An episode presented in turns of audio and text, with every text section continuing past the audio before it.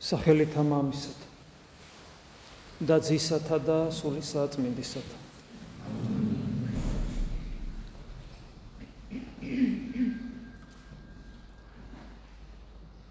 ერთი კვირა გავიდა. მას შემდეგ რაც თქვენთან ერთად იმსახურე ლიტურგია ვეზიარე და ერთი კვირა გავიდა არ ვზიარებულ ვარ და პირველი განცდა რაც მოვიდა როცა მივიღე წმინდა ხორცი და სისხლი უფლისა პირველი განცდა იყო ეს რომ გავцоცხლდი ეს ისე პროლოგად ჩვენი საუბრისა ვფიქრობ არც თუ შემთხვევითად. საერთოდ დღეს იცით რამ ხელა წმინდანის ხსენებაა ჩვენთვის საყვარელი წმინდა გრიგოლ პალამასი. იმიტომ რომ ის სული რომლის გასასხლებასაც ჩვენს შიგნით ჩვენს გულში ვცდილობთ ამ სულის საფრთხისმეტყველო ფუძემდებელი სწორად გრიგოლ პალამა. მე ადრეს გითხარით რომ როდესაც გრიგოლ პალამა მოღვაწეობდა დაახლოებით 100 წელიწადში ბიზანტიის იმპერიის რკინის მესერი მოიშალა და აა ის დაცვა, გარეგანი დაცვა, რაც ქონდა ქრისტიანობას, პრინციპში მას შემდეგ აღარ აქვს. რა თქმა უნდა, ცალკეული ქვეყნები, მართლმადიდებელი ქვეყნები დარჩა, მათ შორის რუსეთიც, რომელიც ცდილობდა ქრისტიანობის დაცვას თავის წიაღში, მაგრამ სამწუხაროდ ის თავის იმპერიული ზრახვებით ცუცაც აკეთებდა ბევრს დღემდე. და მათ შორის ჩვენ მართლმადიდებელ ქვეყანასაც არ არ გზოგავდა. თუმცა ყველა თავისი ინტერესებით მოქმედებს და ყველა თავის ცოდობის გამოციშება. ჩვენ ჩვენი გვაქვს ბევრი დანაშაული ღვთის წინაშე და ამიტომ შეიძლება ითქვას, რომ არც თუ სამართლოდ ვისჯებოდით საუკუნების განმავლობაში და ახლაც. ასე რომ ბიზანტიის იმპერიის დაშლის წინ სწორედ გრიგოლ პალამა მოევლინა ამ ქვეყნად, როგორც მისიონერი ისიხაზმისა ათონელი მამა, რომელიც თესალონიკის ეპისკოპოსი გახდა და მან სულიერი მესერი შემოავლო მართმადიდებლობას. ანუ ის რაც ოდითგანვე არსებობდა ცოცხალგმერთან ურთიერთობის თვალსაზრისით, თვითონ აღთქმაშიც კი ვხედავთ ამას და ახალ აღთქმაში სრული სხვა სისავსით და ძალით, ანუ ღვთის ძიება საკუთარ თავში, მან მას ერთგვარი საეკლესიო კრებებით დამტკიცებული დოგმატური საფუძველი შეზინა და მართალია აღარ არსებობდა ეს რკინის მესერი, რომელიც ქრისტიანობას იცავდა, მაგრამ გაჩნდა სულიერი მესერი ისიხაზმის სახით, გონიერი ლოცვის სახით, რომელიც არსებობდა კიდევ ერთხელ მიმეორებ, მაგრამ მისი მოღვაწეობიდან მისი მოღვაწეობის მერე იგი საყოველთაო გახდა. ანუ ის სიხაზმი გახდა საყოველთაო, ყველასთვის მის ყველა ყველასთვის მისაწვდომი და შემთხვევითი არ არის, მე ვფიქრობ, რომ სწორედ მასთან ერთად მოღვაწეობდა იმ პერიოდში მისი მეგობარი წმინდა نيكოლოს კავასილო, რომელიც ერისკაცი იყო, რომელიც ერთ-ერთ ამ სიხასტურ კაბათებში ის დისპუტებში არ მონაწილეობდა, მაგრამ თავისი მოღვაწეობით, თავისი ნაწერებით იგი ერთ-ერთი მткиცე საძირკველი გახდა ერი საერო ერისკაც და ისიხაზმისა, რომელიც ჩვენთვის ასე მნიშვნელოვანია. ამე თუ ჩვენ ერში ვცხოვრობთ. ამაზე ჩვენ ყველაფერზე ვისაუბრებთ. ოღონ წინასწარ შენდობას ვითხოვ, მე მომიწევს ციტატების წაკითხვა, იმიტომ რომ ჩვენ ამაზე ბევრს ვსაუბრობთ ისედაც, მაგრამ და წაგვიკითხავს კიდევაც, მაგრამ დღეს მე განსაკუთრებულად მინდა რამდენიმე ამონარიდი წაიკითხოთ. ვეცდები ძალიან არ დაგტვირთოთ, მაგრამ აუცილებლად უნდა გავაკეთო ეს, იმიტომ რომ არ ვილაპარაკოთ ჩვენ, არამედ ილაპარაკონ იმ ადამიანებმა, რომლებიც ზოგი წმიდარად არის კანონიზირებული, ზოგი სერიოზული მკვლევარია ისიხაზმისა და დაე მათ თქვან ის ჩვენი სათქმელი, რომელსაც ჩვენ სული და გულით ვეთანხმებით. მაგრამ სანამ სანამ ამ თემას შევეხებოდეთ, არ უნდა ვიყოთ რა მოწყვეტილი იმ რეალობას, რომელშიც ჩვენ ვიმყოფებით, ვერაფრით ვერ აული გვერდს იმ მდგომარეობას, რომელიც დღეს მთელ სოფლიოშია და საქართველოსიც შემოაღწია. აა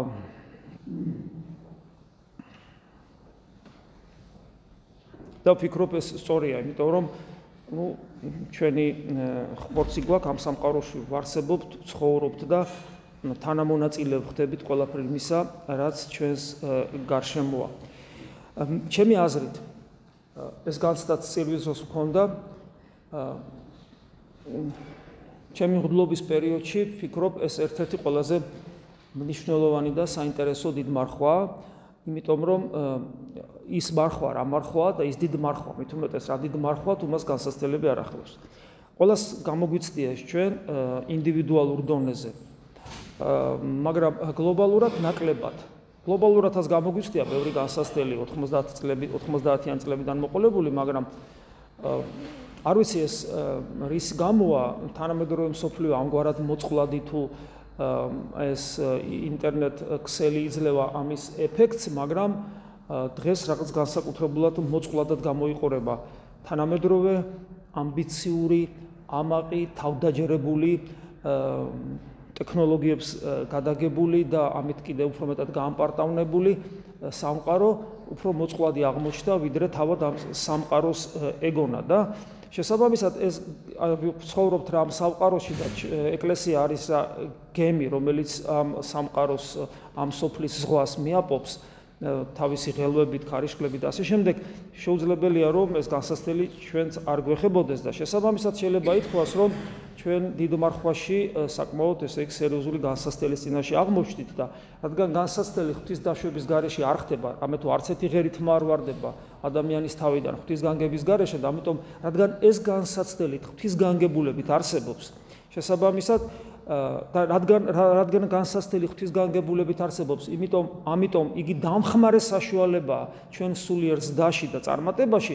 და რადგან ასეთი გლობალური განსასწრელები ცოტა იშვიათად არის ხოლმე ჩვენ თავს შესაბამისად უნდა ითქვას, რომ ჩვენი ეკლესია, ამ შემთხვევაში მე საქართველოს მართლმადიდებელი ეკლესიაზე ვსაუბრობ, თუმცა მთლიანად ჩვენ გლობალურად შეიძლება ვიფიქროთ ასევე სოფლიო მართლმადიდებლობაზე, რომელიც ერთი მთლიანი სხეულია, ეს განსასწრელი მხოლოდ დამხმარე საშუალება იქნება ჩვენს სარწმუნოებრივ და სულიერ ცხოვრებაში.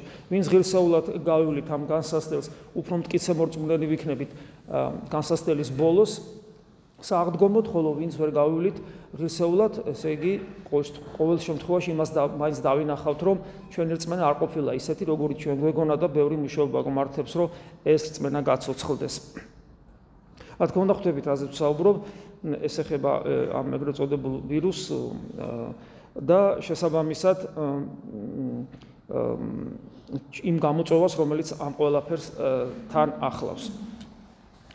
საერთოდ ეშმაკი იმის ეშმაკია, რომ ცდილობს, რომ ყველაფერი გამოიყენოს თავის სასარგებლოდ. ანუ მათ შორის განსაცდელიც, რომელმაც შეიძლება ადამიანის სულიერად გაზარდოს, საერთოდ ჩვენ ვიცით რა არის ქრისტიანული სწავლება, ჩვენ ცხოვრებაში, ჩვენს გარეთ რაც ხდება, ყველაფერი არის ყველაფერი გამოყენებული უნდა იქნას შესაბ იმგვარად რომ სტიმული იყოს ჩვენთვის კიდევ ერთი ნაბიჯი გადავდგათ ღვთისკენ. ანუ რაღაცა მოხდა კარგი ნაბიჯი ღვთისკენ, რაღაცა მოხდა ცუდი ნაბიჯი ღვთისკენ. თუ ამას არ გავაკეთებ, როგორც წესი, ჩვენ შეცდომას უშვებთ, იმიტომ რომ თუ კარგი ხდება ჩვენ ცხოვრებაში და ღვთისკენ ნაბიჯს არ გადავდგავთ, ესე იგი ჩვენ ეს სოფელი ჩავყოლაპავს თავის სიამტკბილობით და ხოლო თუ ცუდი ხდება ჩვენს გარშემო და ნაბიჯს არ გადავდგავთ ღვთისაკენ, კლავე სოფელი ჩავკლაპავს თავის დეპრესიით და სასოწარკვეთილებით და უიმედობით.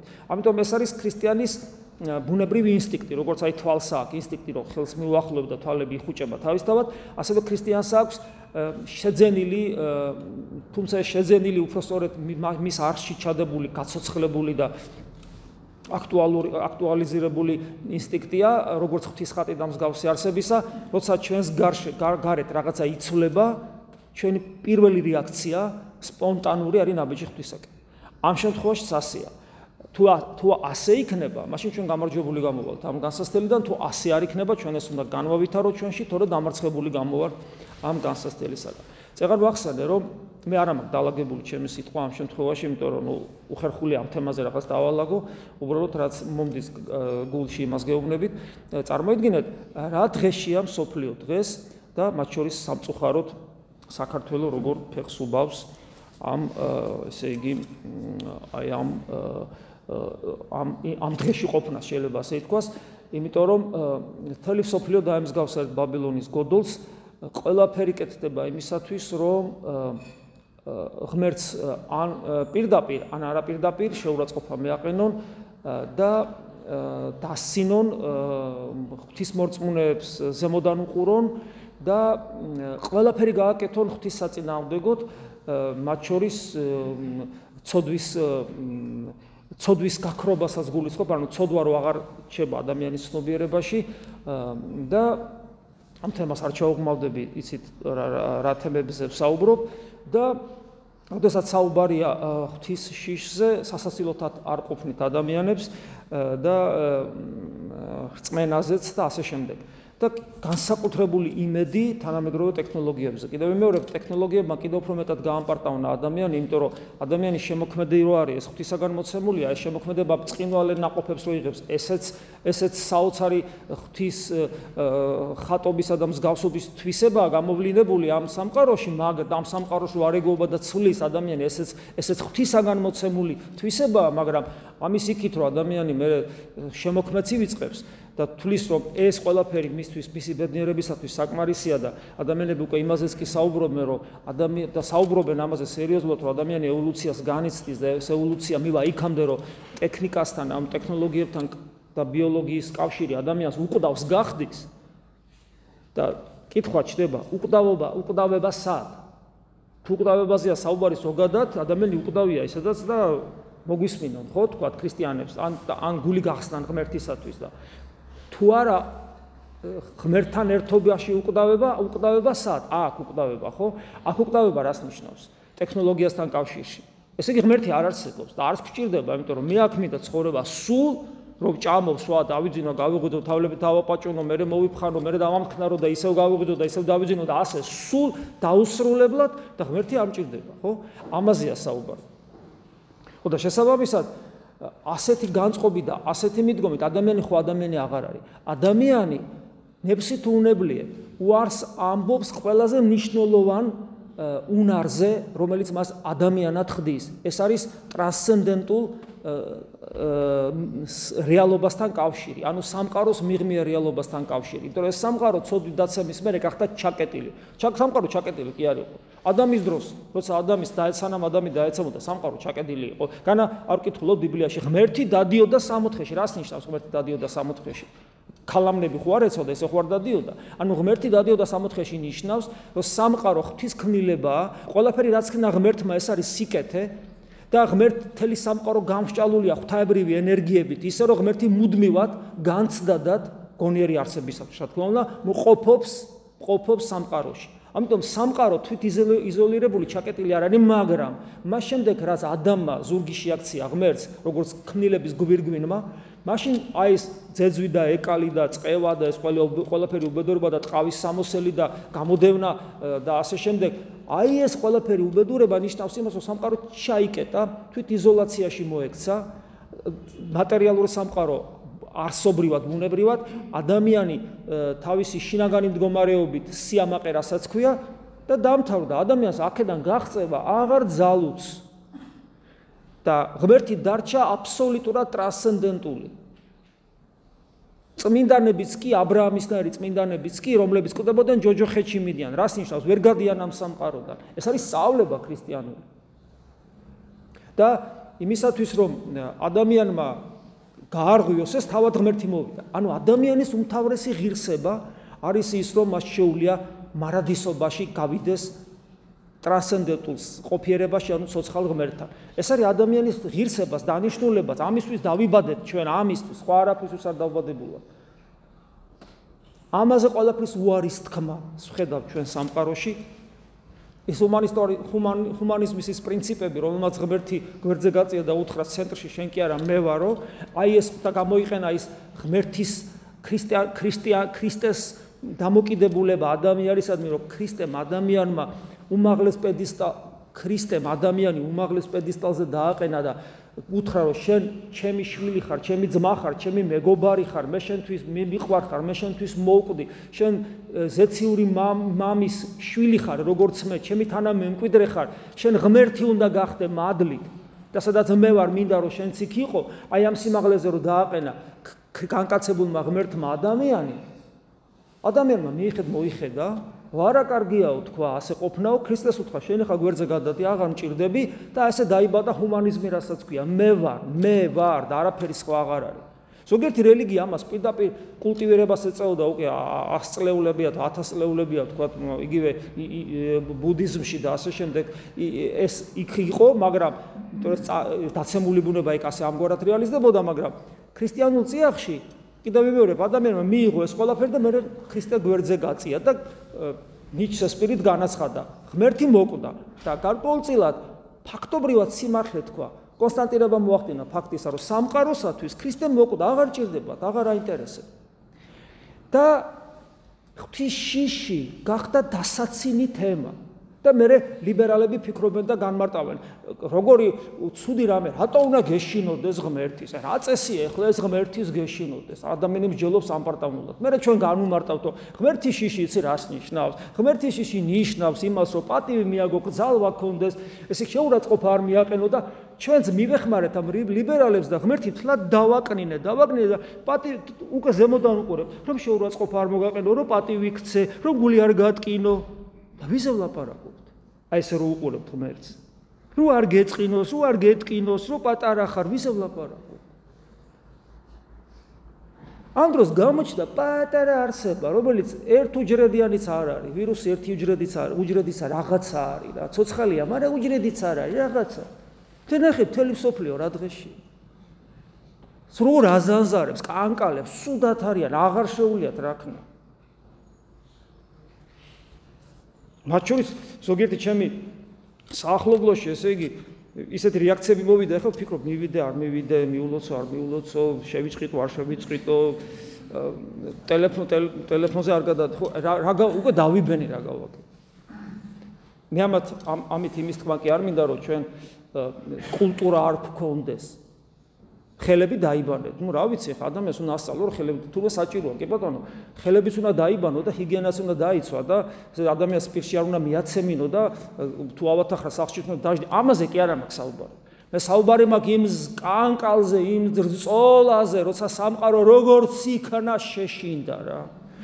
ეს ისეთი მაგარი რამე მოხდა სამყაროში. სამყარო შეშინდა.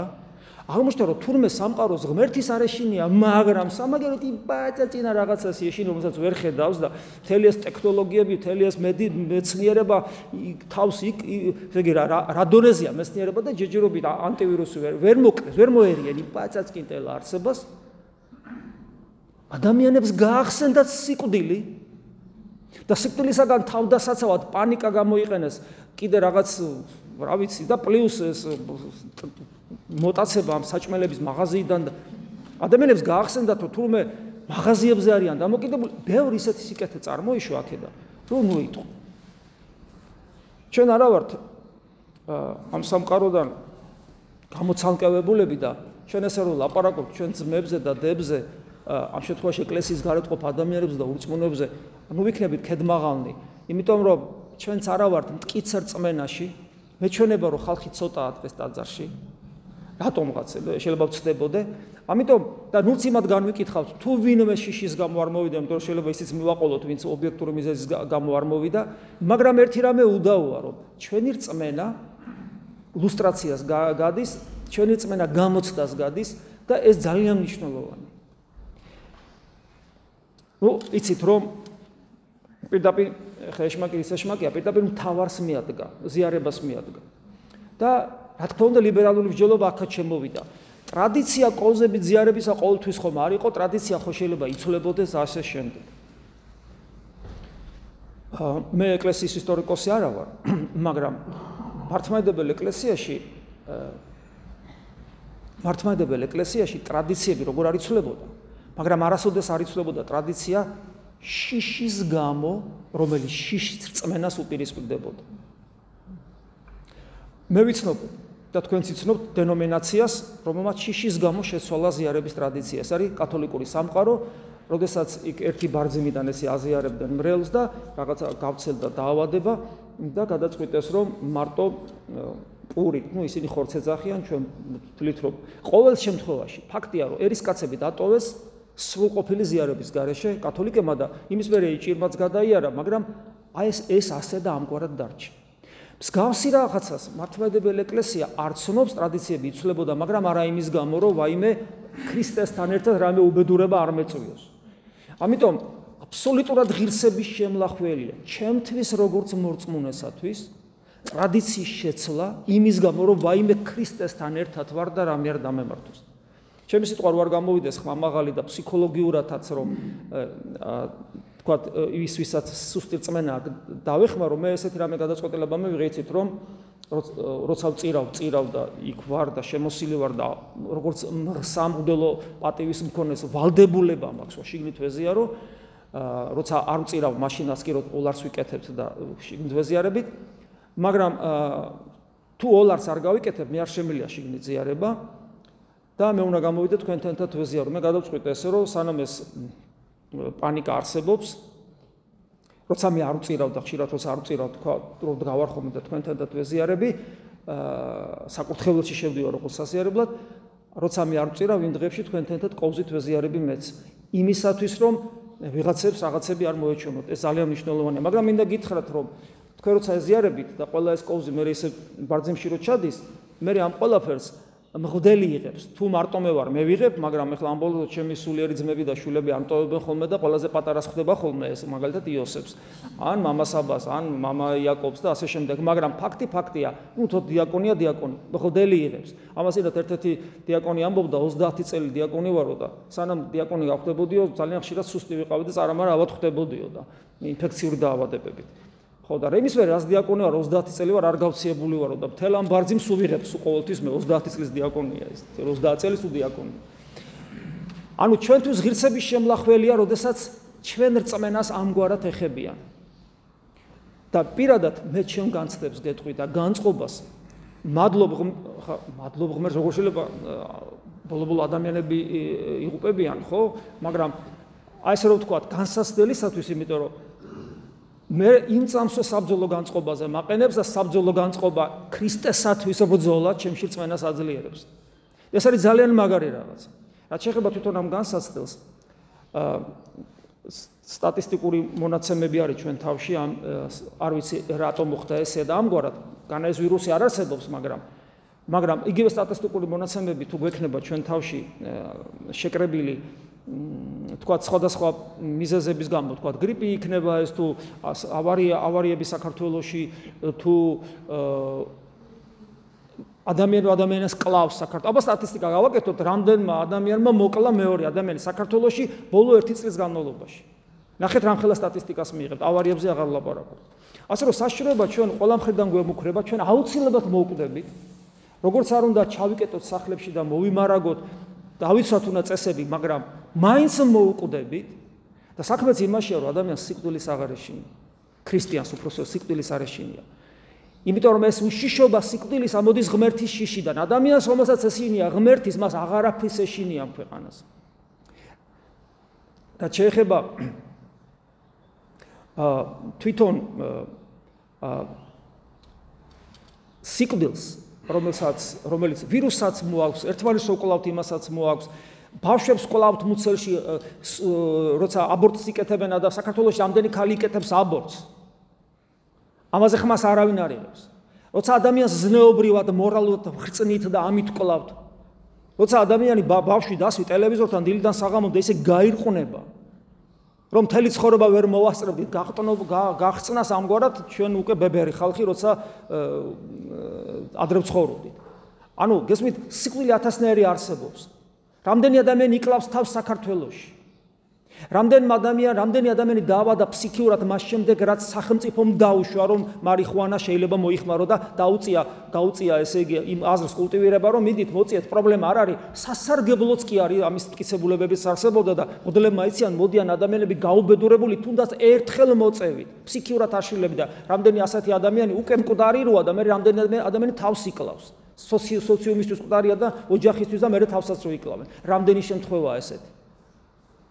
არა არავინ საუბრობს იმაზე რომ სუიციდიც გადამდებია და ნებისმიერი აგრესიაც და მკვლელობას გადამდებია და ნებისმიერი გარყვნილებაც მათ შორის ჰომოსექსუალიზმის გადამდებია, ცოდვა გადამდებია. ჩვენ ამას ვამბობთ, ჩვენ დაგვცინიან.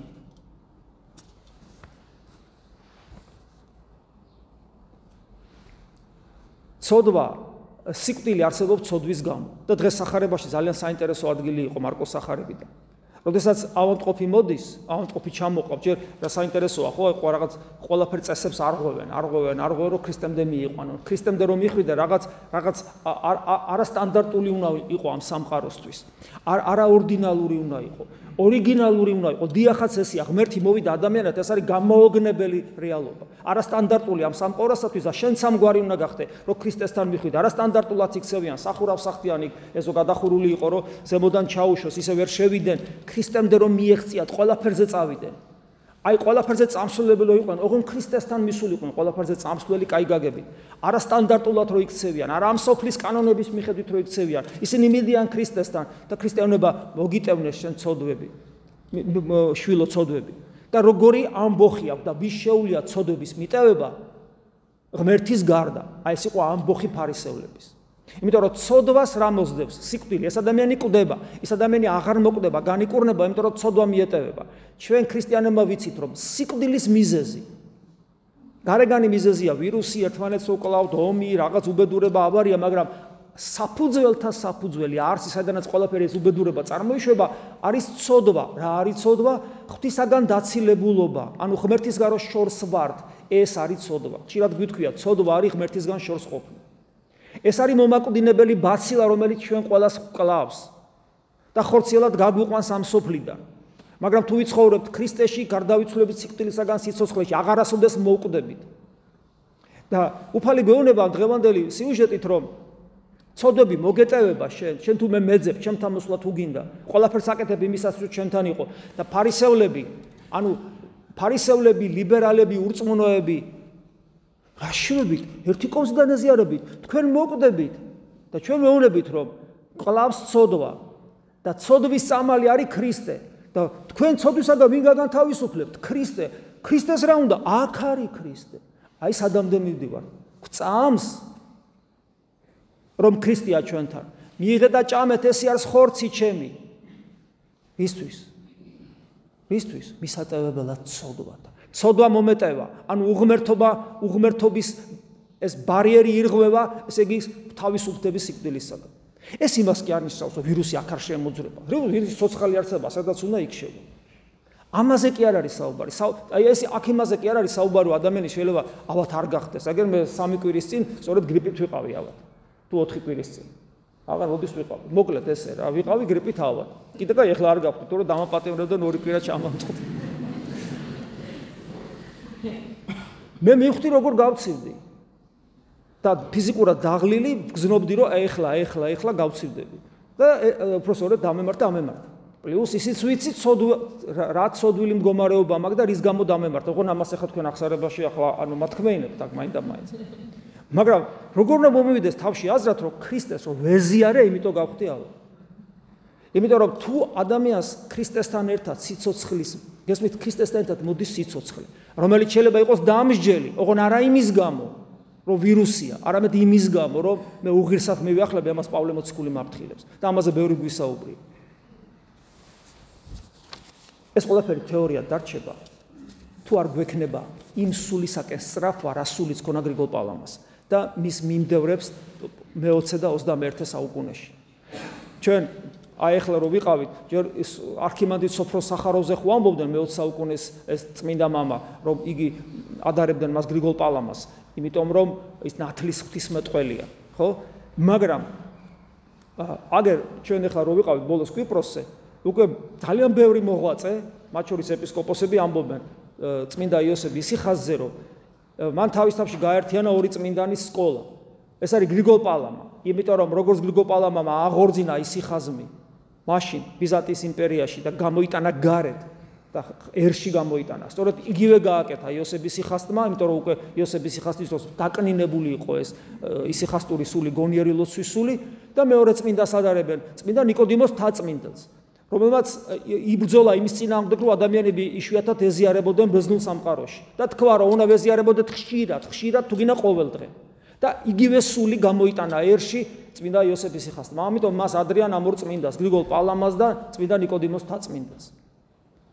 ანუ ეს სული კლავ ცოცხალია და მე მინდა რომ სული ჩვენ გავაცოცხლოთ ჩვენში თითოეულ ჩვენმა ჩვენ თითოეულმა ჩვენგანმა თავის თავში გააცოცხლოს იმიტომ რომ თუ ჩვენ ამ სულს არ გავაცოცხლებთ ამ ისიხასტურ სულს რომელიც ჩვენთან ღმერთის მყოფობის განცდა ჩვენთან ღმერთის მყოფობის განცდა რა რა რა სახელი აქვს მეორე ქრისტეს ემანუელ გახსოვთ წმინდა წერილში ჩვენთან არის ღმერთი ჩვენთან არის ღმერთი ეს ცარიელი სიტყვა არ უნდა იყოს ის ჩვენს მიერ უნდა შიგნით განიცდებოდეს და ჩვენ თუ ეს არ მოვახერხეთ, რაზე ჩვენ აქამდე ვისაუბრეთ, ყველაფერი იქნება ამაო. იმიტომ რომ ფანატიზმი, ისე როგორც ლიბერალიზმი, უსუსური აღმოჩნდება ხოლმე პატარა ვირუსის წინაშე. აბა გადავხედოთ ახლა მსოფლიოს როგორ სხვადასხვა დენ შეხედე სხვადასხვა დენომინაციები, ქრისტიანული და სხვადასხვა რელიგიები. როგორ იხურება მათი და აღარ იკრიბებიან და აღარ ლოცულობენ და ეს ის და იმათი შეშინებული სასულიერო პირები, სხვადასხვა რელიგიის და სხვადასხვა დენომინაციების ქრისტიანული. მე სიამაყით, კაი გაგებით, სიამაყით მინდა ვთქვა, რომ ვეძებ მართლმადიდებლობაში სულმოკლეობას, ვეძებ როგორ, სპეციალურად კი არ ვეძებ, მაგრამ ხო აი ეს და ჯერჯერობით ესეთი გამოხატული სულმოკლეობა ვერცეთ სასულიერო პირში, ვერცეთ ეპისკოპოსში და ვერცეთ მოდელში ვერ დავინახე და აი სულიწმინდა რომელიც რეალურად ჩვენს ეკლესიაში არის, რომელიც ჩვენს ნაკლებს, ნაკლულოვანებებს აღავსებს, როგორც ხელდასხმით გვეძლევა ჩვენ მოდელებს, როცა მოდელს ეპისკოპოსი პატრიარქი ხელს ასხავს სულიწმინდის მადლის მონიჭება ხდება და იმ სულიწმინდის მადლის მონიჭების დროს ხდება ეს ამ სიტყვების თქმა. სულიწმინდა არის ნაკლულოვანებათა აღმავსებელი. და აი სწორედ აი ეს ჩვენ უღირსებას, ჩვენს ურწმუნოებას, ჩვენს სისუსტეს, ჩვენს უზნეობას ხშირად ყველაფერ ამ ცუც აღმავსებელია სულიწმინდის მართლით მართლა ზიარებაში ქრისტე არის.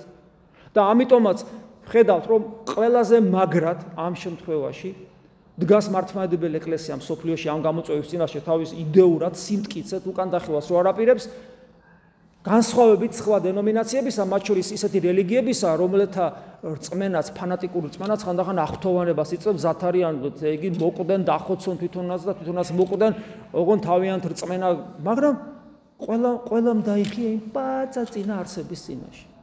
მარტო ჩვენ დგავართ კიცე. ჩვენ კი არა ვართ მაგრები. არა. მე სხვა სხვა რამის თქვა, ჩვენ ისე უარესები ვართ იმაზე. არა. ჩვენთან არის ღმერთი. მართლმადებელი ეკლესია ქრისტეს მისტიური სხეულია და ცნობიერად, ქვეცნობიერად, ასე თუ ისე ის ჩვენ გვაძლიერებს და რაღაც სიმტკიცედ გაგვიხდა.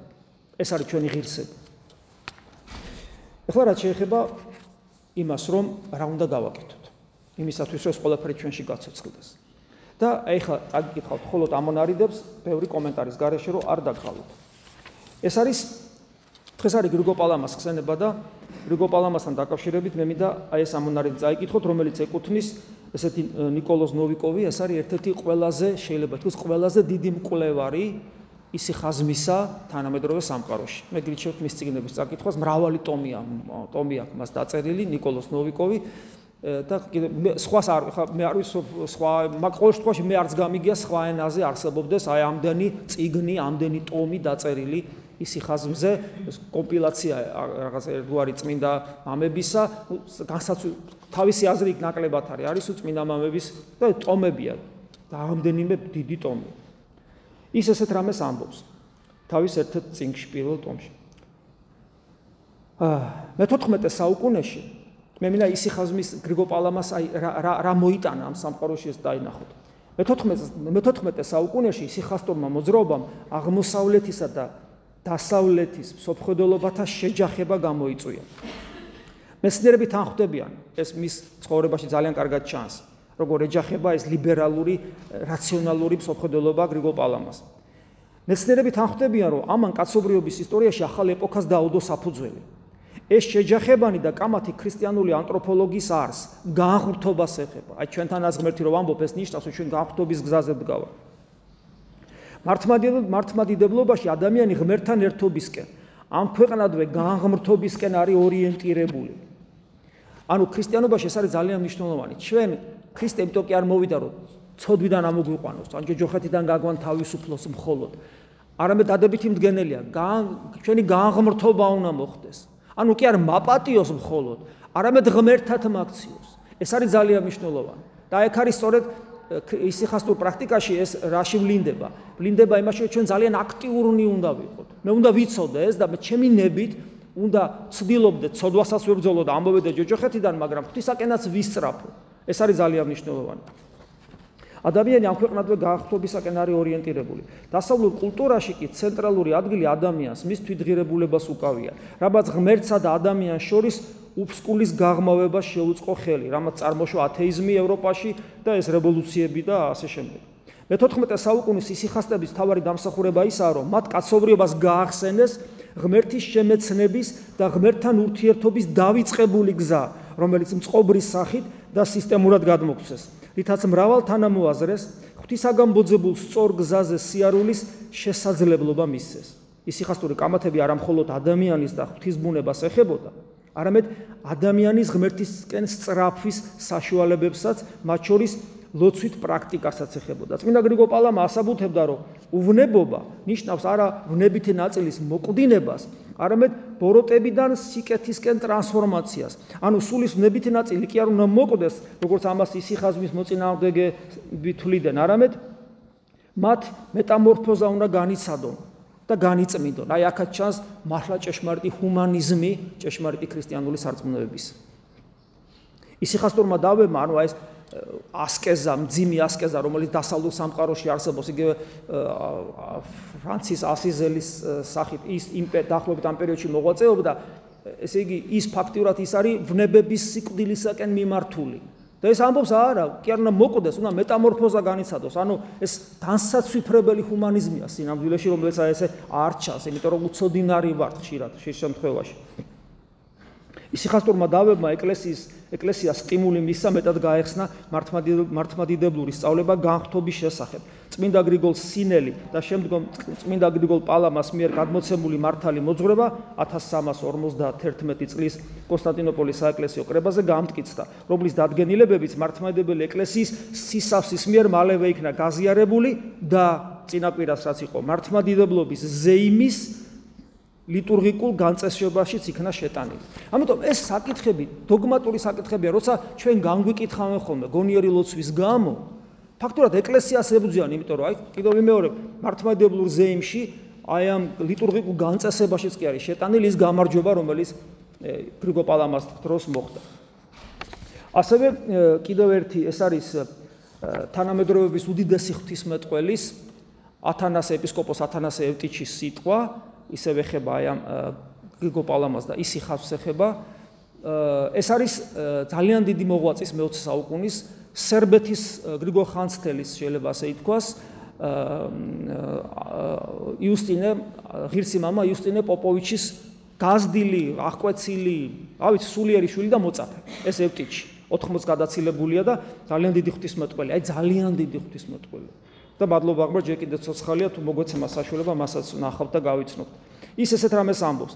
ისიხასტური თეორია ეფუძნება ჭეშმარიტ საფრთხო გამოცხადებას, რომელიც ცოცხალი ღმერთის აპოფათიურობასა და კათეფათიურობის ეს არის დადებითი და უარყოფითი ღვთისმეტყველება, დადებითი ღვთისმეტყველება ამბობს, რომ ღმერთი არის ნათელი, უარყოფითი ღვთისმეტყველება ამბობს, რომ ღმერთი არ არის ნათელი. იმიტომ კი არა რომ ღმერთი ბნელია, იმიტომ რომ ღმერთი ნათელზე უფრო დიდია. ამიტომ ეს ორივე ღვთისმეტყველება ძალიან მნიშვნელოვანია. და სწორედ ამაზე საუბრობს, რომ ისიხასტური თეორია ეფუძნება სახთო გამოცხადებას, რომელიც ამ დადებითი და უარყოფითი ღვთისმეტყველების შესახებ ღვთის საიდუმლოებას გვასწავლის. ეს გამოცხადებითი ცოდნა გადმოცემულია წმინდა მამათა სწავლებებში. დიდი კაპადოკიელი მამებიდან დაწყებული ბასილ დიდი გრიგოლი ღვთისმეტყველი გრიგოლ ნოსელი იქიდან დაწყებული გრიგოლ პალამამდე და რა თქმა უნდა დღევანდელ დღემდე. ეკლესიის მამათა ნაშრომებში ჩვენ ვხედავთ საღვთისმეტყველო მოწმობას იმის შესახებ, რომ ღმერთი ერთდროულად მიუწვდომელია შემეცნების თვალსაზრისით. თავისი არსებით ამავე დროს რეალურად მიწვდომადია თავის ენერგიებში, სამყაროსა და ისტორიაში პიროვნულ და გამგებლობით ქმედებებში. ეს კი ნიშნავს, რომ ღმერთი თავის ბუნებით ადამიანური გონებისათვის მიღმიერი, მიუწვდომელი და ტრანსცენდენტულია, მაგრამ ამავე დროს საკუთარი თავის გამოჩინების, მყოფობის და ქმედების მიერ ღმერთ ჩვენთან ურთიერთობა აქვს. ქრისტეს მიერ და სულიწმინდას მიერ ამ ქვეყნიურია ღმერთი ჩვენთვის. რამე თუ იგი ბიბლიური ემანუელია, წეღა რაც გითხარით, ჩვენთან რაც ღმერთი იმანენტურია, ანუ ჩვენი გზნობებისათვის მიწვდომადია, არსებული ცხოველს ყოფილი და კაცთ მოყარია. აი ჩვენი ძალა სად არის? ჩვენთვის ღმერთი სადღაც კი არ არის.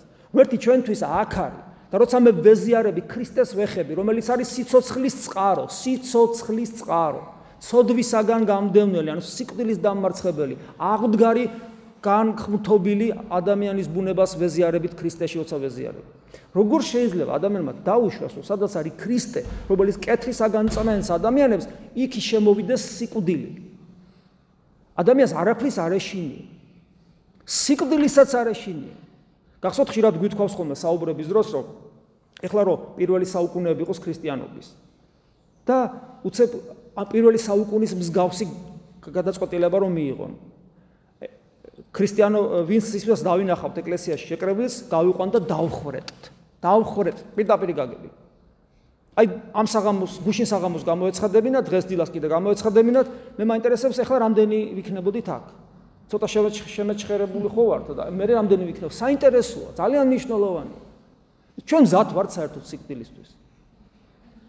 და ადამიანი რომელსაც კიდევ ვიმეორებ ადამიანი რომელსაც არ ეშინი ადამიანს რომელსაც ეშინია მხოლოდ ღმერთის ადამიანს არაფის აღარ ეშინია. ეს არის ძალიან მტკიცე და მისთვის ღირსების საქმე ხდება. სადაც არჩევანია, კიდევ ვიმეორებ, ყველაფერი შეიძლება წესებით, ტრადიციებით შეიძლება შეიცვალოს, შეიძლება რაღაც ჰიგიენური წესები ამაზე არ არის საუბარი, სხვა რამეზეა საუბარი. როცა ჩემ რწმენას, როცა მეუბნება ქრისტესთან ერთად სიკვდილია, ჩემ ღირსებას ეხება ეს. მე მრჩევნია დღეს მოვკვდე ოღონ ერთი ნაბიჯი უკან არ გადავდგა ქრისტესთან. იმიტომ რომ ჩემი სიцоცხლე არის ქრისტე. პავლე მოციქული რას გვაქვს ახალს? ჩემი სიцоცხლეა ქრისტე, ამიტომ სიკვდილი შენაძენია. ანუ მოსაპოვნებელია, მიხარია. და მე მეუბნება, მე მომბაძებ. ეს არის ჩვენი რწმენა, ეს არის ჩვენი ის რწმენა, რომელიც უძლებელს ხდის ყველა პრობლემასთან მიმართებაში. და ჩვენ დავცინით პრობლემებს. მათ შორის დავცინით სიკვდილს. ახლა ვლაპარაკობ იმ პატატარა პაწაწინა არსებაზე. სირცხვილია სამყაროს არეშინი აღმერთის დასცინის აფურთხებს აგინებს უკვე მრავალი ათეული წელიწადია ბოლო პერიოდში და გამოჩნდა რაღაცა და აზანზარებ აი თავი და ბოლო ჩვენი სიამაყის. ა თანამედროვე სამყაროში ეს ყველაფერი კარგია მაგრამ იტყვიან იცი რა არის ლოცოთ იესოს ლოცვა ამან ხიბლი იცის. ამაზე ბევრჯერ მithქვავს ეხლა რამდენიმე ამონარიც ამისთან აქაც წაკითხავთ. პირველი ამონარიდი ეკუთვნის გრიგოლ სინელს ეს არის ის ვინც გონიერი ლოცვა იესოს ლოცვის პრაქტიკა ათონის თაზე შეიტანა. ლოცვასა და მგლოვარებაში მყოფობა უდიდესი იარაღია ხიბლის წინააღმდეგ. რომელიც ლოცვით სიხარულის ნახეთ რა საინტერესო რაღაცას ამბობს. ესე იგი მგლოვარებაში და ლოცვაში და მგლოვარებში მყოფა უდიდესი იარაღია ხიბლის წინააღმდეგ, რომელიც ნახეთ ლოცვითი სიხარულისას მოგრულ თვითკმაყოფილებაში მდგომარეობს. ანუ ხიბლი მოდის როცა ადამიანი თვითკმაყოფილი ხდება ლოცვის დროს. ძალიან ხშირად გარეგანი ლოცვები, აი ადამიანმა დაუშდომელი აღავლინა ძალიან მაგარი ხმით და აი ეს მაგარი აი ეს შეიძლება იყოს ხიბლის წყარო. და არა იესოს გონიერი ლოცვა რომელიც თუ სწორად წარიმართება და სწორად თუ წარიმართოს უნდა ვიღაცა გასწავლიდეს ამაზე ჩვენ არ ვდაუთ მასალებელი ჭირდება იესოს ლოცვას. ლოცველი სიხარულ მგლოვარებაში უნდა იმყოფებოდეს. ერთი სიტყვა სიხარულ მგლოვარებაში. ხიბლისაგან თავისუფალი ლოცვა ხიბლისაგან თავისუფალი ლოცვა იესოსადმი ლოცვითი მდუმარება დუმარება იესოსადმი ლოცვითი ისიხია. აი მდუმარება ამას ნიშნავს. ანუ ჩაღმავებული ლოცვაზია შინა გონიერ ლოცვაზია საუბარი. რომელსაც ჩვენი გულის ნიადაგში ცეცხლი ჩამოყავს. დუღარება ვნებების მსგავსად ის დუღარება რომელიც ცეცხლი ჩამოვიდა ხო? ეს დუღარება ვნებების მსგავსად ცეცხლით ძეთთა და ეკალთა დამფერფლავია სულში მხიარულებისა და სიმყუდროვის მომნიჭებელია, რომელიც არც მარჯვნიდან და არც მარცხნიდან, არც ზემოდან არ გვენიჭება, იგი წყაროს თვალივით, ცხოველს ყოფილი სულის მიერ გულიდან აღმოცენდება. საკუთარ გულში ამის მოპოვება და მოხვეჭა ისურვე მხოლოდ, გონება კი ოცნებისაგან და გულის თმათაგან დაიცევ და ნუ შეგეშინდება. ამ შემთხვევაში იესოს ლოცვის ნუ შეგეშინდება, რამე თუ რომელმან თქვა, კადნიერ იყვენით, მე ვარ, ნუ გეშინინ. გახსოვთ სახარების ეს სიტყვები, ქრისტეს სიტყვები, ნუ გეშინი. სწორედ ის არის ჩვენთან. ის არის ჩვენთან ჩვენგან ძიებული, მუდამ ჩვენი ფარველი და ღვთის ღვთის მოხმობის არ უნდა გვეშინოდეს. ეს არის ხიბთან დაკავშირებით. კიდევ ერთი ხიბთან დაკავშირებით აა ეს არის ეს არის ერთ-ერთი მოწაფე იოსებ ისიხასტის ხარლამპი. ეს არის პირველი ერთ-ერთი პირველი მღვდელი რომელიც მის საძმოში გახდა. მამა ხარლამპი იოსებ იოსებ ისიხასტის საძმოს წევრი. ნახეთ ის რას ამბობს? ხიფში არა ის აი რა რა გამოიტანეს ამ ამ სულმა ამ იოსების სკოლამ რა გამოიტანა ერში? ხიფში არა და ერთ-ერთი წინამძღვარი იყო მე ათონის თის სანამ გარდაიცვლებოდა ხიფში არა ის ვინც იესოს სახელით ლოცულობს. არამედ ის ვინც ამგვარად არ ლოცულობს.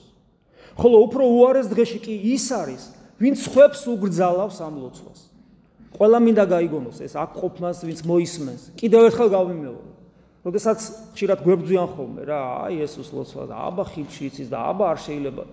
ხიფში არა ის და ამას ამბობს ადამიანი რომელიც წმინდანმა აგზარდა და თავად წმინდა ცხოვრობით მაცხოვრებელი და შეიძლება მისი კანონიზაციას მოხდეს თავის დროს. ხილში არა ის, ვინც იესოს სახელით ლოცულობს, არამედ ის, ვინც ამგვარად არ ლოცულობს, ხოლო უფრო უარეს დღეში კი ის არის, ვინც ხვებს უგზალავს. ეს ეს ხვები არიან ფარისეველთა მდგომარეობაში, რომლებიც მოციქულებს უგზალავენ იესოს სახელით მოქმედებას. ხილში მყოფი, ხილში მყოფი, მოლოცვას ლანძღავს და ხილში მყოფს უწოდებს მას. ეს არის мама ხალაპის სიტყვები იოსებ ისიხასტის სულიერი შვილი. მე ამბობე რომ არა კაცო ეს ლოცვა არის ბერებისთვის, მონაზვნებისათვის, არა ერისკაცებისათვის. ბევრჯერ მithქვია თქვენთვის ციტატები, კიდე წაგიკითხავთ. ეხლა ეს ციტატა ეკუთვნის რა ქნათ ერისკაცია რა. როგორც არ უნდა ვიზახოთ, იქნება არ არისო ერისკაცია. ისტორია ამას ადასტურებს. ესა წმინდა نيكოლოს კავასილა. ის ამბობს არა უდაბნოში გასვლის აუცილებლობა. ეხლა ეს მონაზვნობას კი არ ებრძვის, მაგრამ თავის პირადი გამოცდილებიდან საუბრობს.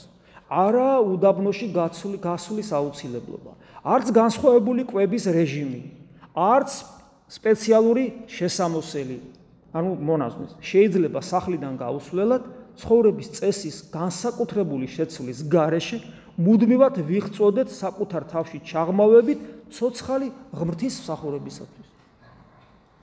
არ არის ჩვენთვის ნუგეში ეს. არის. ისევ წმინდა ნიკოლას კავასილა.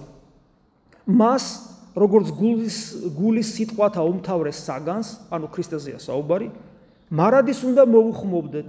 ამისთვის კი არც განსაკუთრებული მომზადება და არც ადგილი არაა საჭირო. რამე თუ იგი ყველგან მყოფია, ამაჟე კიდე ბასილ დიდი მე-4 საუკუნეში ამბობდა. და ყოველთვის ჩვენთანა, იგი თავისიანთათვის მათ საკუთარ გულზევე ახლოსა. მათ საკუთარ გულზევე ახლოსა. мама ხარლამპი ისე ის მე-14 საუკუნეა კაცო კავასილა და მას გრიგოპალამას მეგობარი იყო და სხვა დრო იყო და ახლა ახლა ბატონო აგერ мама ხარლამპი ისევე და იოსების ხას იგივე სამბობს და მრავალი თელფანე დაყუდებული იგივე სამბობს და მრავალი წმინდანი ამ თანამედროვე მოღვაწეები აი იოსების ხას სულიერი შვილი შვილები და ემათი შვილები დღეს სკოლა ცოცხალია ყველა ამას ამბობს როგორც ერთი რომ ვერც კი ხვდებია როცა ეტყვი ერისკაცმა შეიძლება ილოცოს ხრებს იჩესავ რა რას ეკითხები ვერ ხვდება მამახლამბი ამბობს, გონიერი ლოცვა მხოლოდ მონაზნებისთვისაა აუცილებელი, თუ ყველა ქრისტიანისთვის ქრისტიანისთვის არის სასარგებლო კითხვა სვავს. წმინდა მამათა მიხედვით, ასევე საკუთარი გამოცდილებიდან ვიტყვი, რომ გონიერი ლოცვა ყველა ქრისტიანისთვისაა. ხოლო იმად გასაგონად, ვინც ამ ლოცვას ხვებს, უგრძალავს. მამახარლაბი ამბობდა, თუ არ იცი, თქვი რომ არ ვიცი, მაგრამ ხვებს ლოცვას ნუ უგრძალავ. ხოლო იმათ კი რომლებიც სულიერ ბძოლას მხოლოდ მონაზონთა საქმე თვლიდნენ ამახარლამი პასუხობდა. უხილავ ბძოლის წარმოება ყველა ქრისტიანის საქმეა. მამახარლაპი ასევე ურჩევდა რომ თლიანად ღვთისახურება ეს ჩვენთვის საინტერესოა. მამახარლაპი ურჩევდა რომ თლიანად ღვთისახურება. ან ნაწილი სკვნილით იესოს ქრისტეს უტკბილესი სახელით აღსრულებულიყო. საუბარია მწუხზე და ცისკარზე. ჩვენ აქ ერთი პერიოდი ამას ვაკეთებდით, მაგრამ ამან გარკვეული ბუნტი გამოიწვია. ჩვენ ალბათ ისევ ვეცდებით, რომ რა თქმა უნდა იერარქიის კურთხევით ეს საქმე ისევ გავაგრძელებთ. კიდევ ერთი რამ, რასაც ებრძოდენ ჩვენში მათ შორის ჩვენთან და ჩვენ ვიყავით სამიზნე ამის გამო ამბობდე რომ სიბნელეში რატო უნდა დაждდეს სიბნელეში რატო უნდა ილოცო რატო სიბნელეში ანუ გონიათ რომ ეს რაღაცა რაღაცა რაღაცა. ეს არის ჩვეულებრივი პრაქტიკა ქრისტიანულ სინამდვილეში და ეხლა წაკითხავთ იოსებ ისიხასტის სიტყვებს. წმინდა იოსებ ისიხასტის სიტყვებს. საფუძველი ერთ-ერთი ამას სოფრონ სახაროვიც ამბობს და ასე შემდეგ მაგრამ ეხლა ამ შემთხვევაში იოსებ ისიხას წაიკითხავთ. ღმრთაებრივი გონიერი ნათელი ხორციელი თვალისათვის უხილავია. იგი უმეტესად როგორც გონების მხედველი ძალა სიბნელეში ვლინდება. თქვენს გაახსენდება რომ როგორ რაკაცოა გე პავლე მოციქულ დღის სინათლეზე გამ ღმერთ სადაც უნდა იქ გამოგეცხადება ღმერთი თუ მოინდომებს ზეს დააბნელებს თავის სინათლით. აქ საუბარია პრაქტიკაზე, როცა ჩვენ ნელა ნელა ნაბიჯ ნაბიჯ ვთილობთ ღმერთთან მიახლოებას. ანუ იგი როგორც გონების, არა თვალის, გონების მხედველი ძალა სიბნელეში ვლინდება. ხოლო დღის სინათლეზე და ხორციელი მხედველობით არა. ამიტომ სულ სიბნელეში იყვნენ ჩაკეტილები და ისე ლოცულობდნენ. ღვთაებრივი ნათელი არა და ეს ტრადიცია სიბნელეში ათონზე რო ჩახვალ ან ნებისმიერ ეს მონასტერში მიგ წირვა ღამე რომ მიდის სუქები არანთია. და კანდელების და ისიც იმდენად ცოტა რომ შეიძლება თუ არ იცი გზა რაღაცას დაეჯახო. ღვთაებრივი ნათელი არამატერიალური, უხილავი, ხორციელი თვალისათვის უხილავი, უფერო, ხიარული და მშვიდობის მყოფელია. ნახე, ხიარული, მშვიდო, ან ცოცხალი.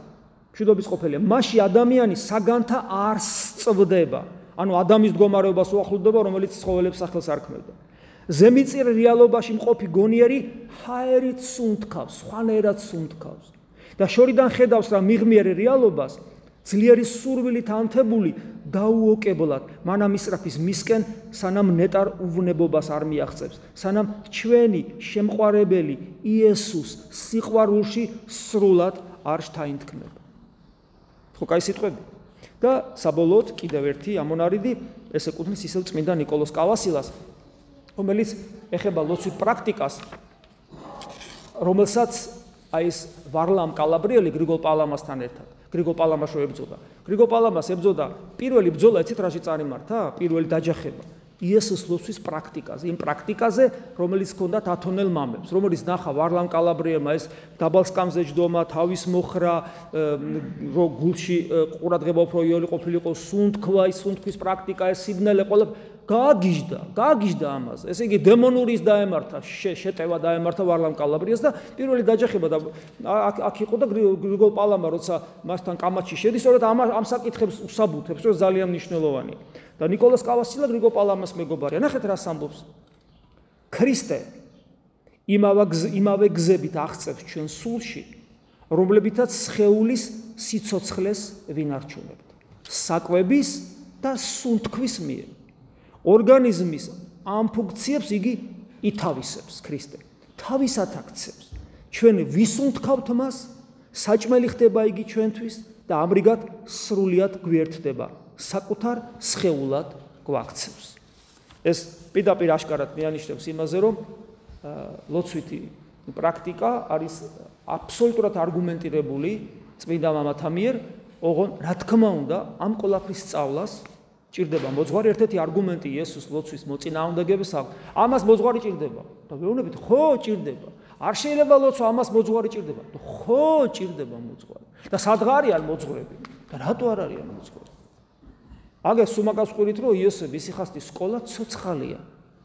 თუ გინდა და თუ თვლი, ეხლა ჩვენ კიდე უამრავი ამონარიდია. ღიზიანდებია, როცა ცხონებასთან ვაკავშირებთ ხოლმე გონიერ ლოცვას. ესე პირდაპირ ჩვენ არ დაგვიკავშირებია არასოდეს, მაგრამ წმინდა მამები აკავშირებენ. ჩვენ შეგვიძლია ეს ამონარიდებიც მოვიტანოთ. ეს აღიზიანებთ. და თუ დალოცულობ ცხონებასთან კავშირში შეიძლება იყოს. დღეს დედამიწა პატარაა და მოძღვრები არიან, ეს სკოლა ცოცხალია. ანუ გრიგოლ პალამასის სულის კვეთება არის ცოცხალი. ეს აცოცხლებს ჩვენში ნამდვილ ქრისტიანობას ღმერთი რომ არის ჩვენთან, რომ ის ემანუელია ჩვენთან არის, ამის განცდა შემოდის რეალურად და მაშინ ჩვენთვის უკვე აღარაფერი საშიში აღარ არის და არაფრის აღარ გვეშინია. არც პატაციკელა არსების რომელიც უჯრედის კი არ არის, მაგრამ რატომღაც ცოცხალია, არც სიკვდილის, არც არანერი განსასწრების პირიქით ყველაფერს ვიყენებთ იმისათვის, რომ კიდევ ერთი ნაბიჯი გადავდგათ ჩვენი უფლისაკენ, იესო ქრისტესაკენ. და როცა ჩვენ ვამბობთ, როცა ჩვენ გვეუბნებიან ჩვენთან არის ღმერთი და ჩვენ ვეუბნებით არს და იყოს ამას ვეუბნებით ნამდვილად ნატურალურად მთელი გულის განცდით და არა უბრალოდ თეორიულად. ეს არის ჩვენი ძალა ეს არის ჩვენი სიმტკიცე და ჩვენი სიხარული და ჩვენი ბედნიერება და ჩვენი ღირსება. ამინ. მადლი უფლისა ჩვენისა იესო ქრისტესი და სიყვარული ღვთისა და მამისა და ზიარება სულისა წმინდისა იყოს თქვენ ყოველთა თანა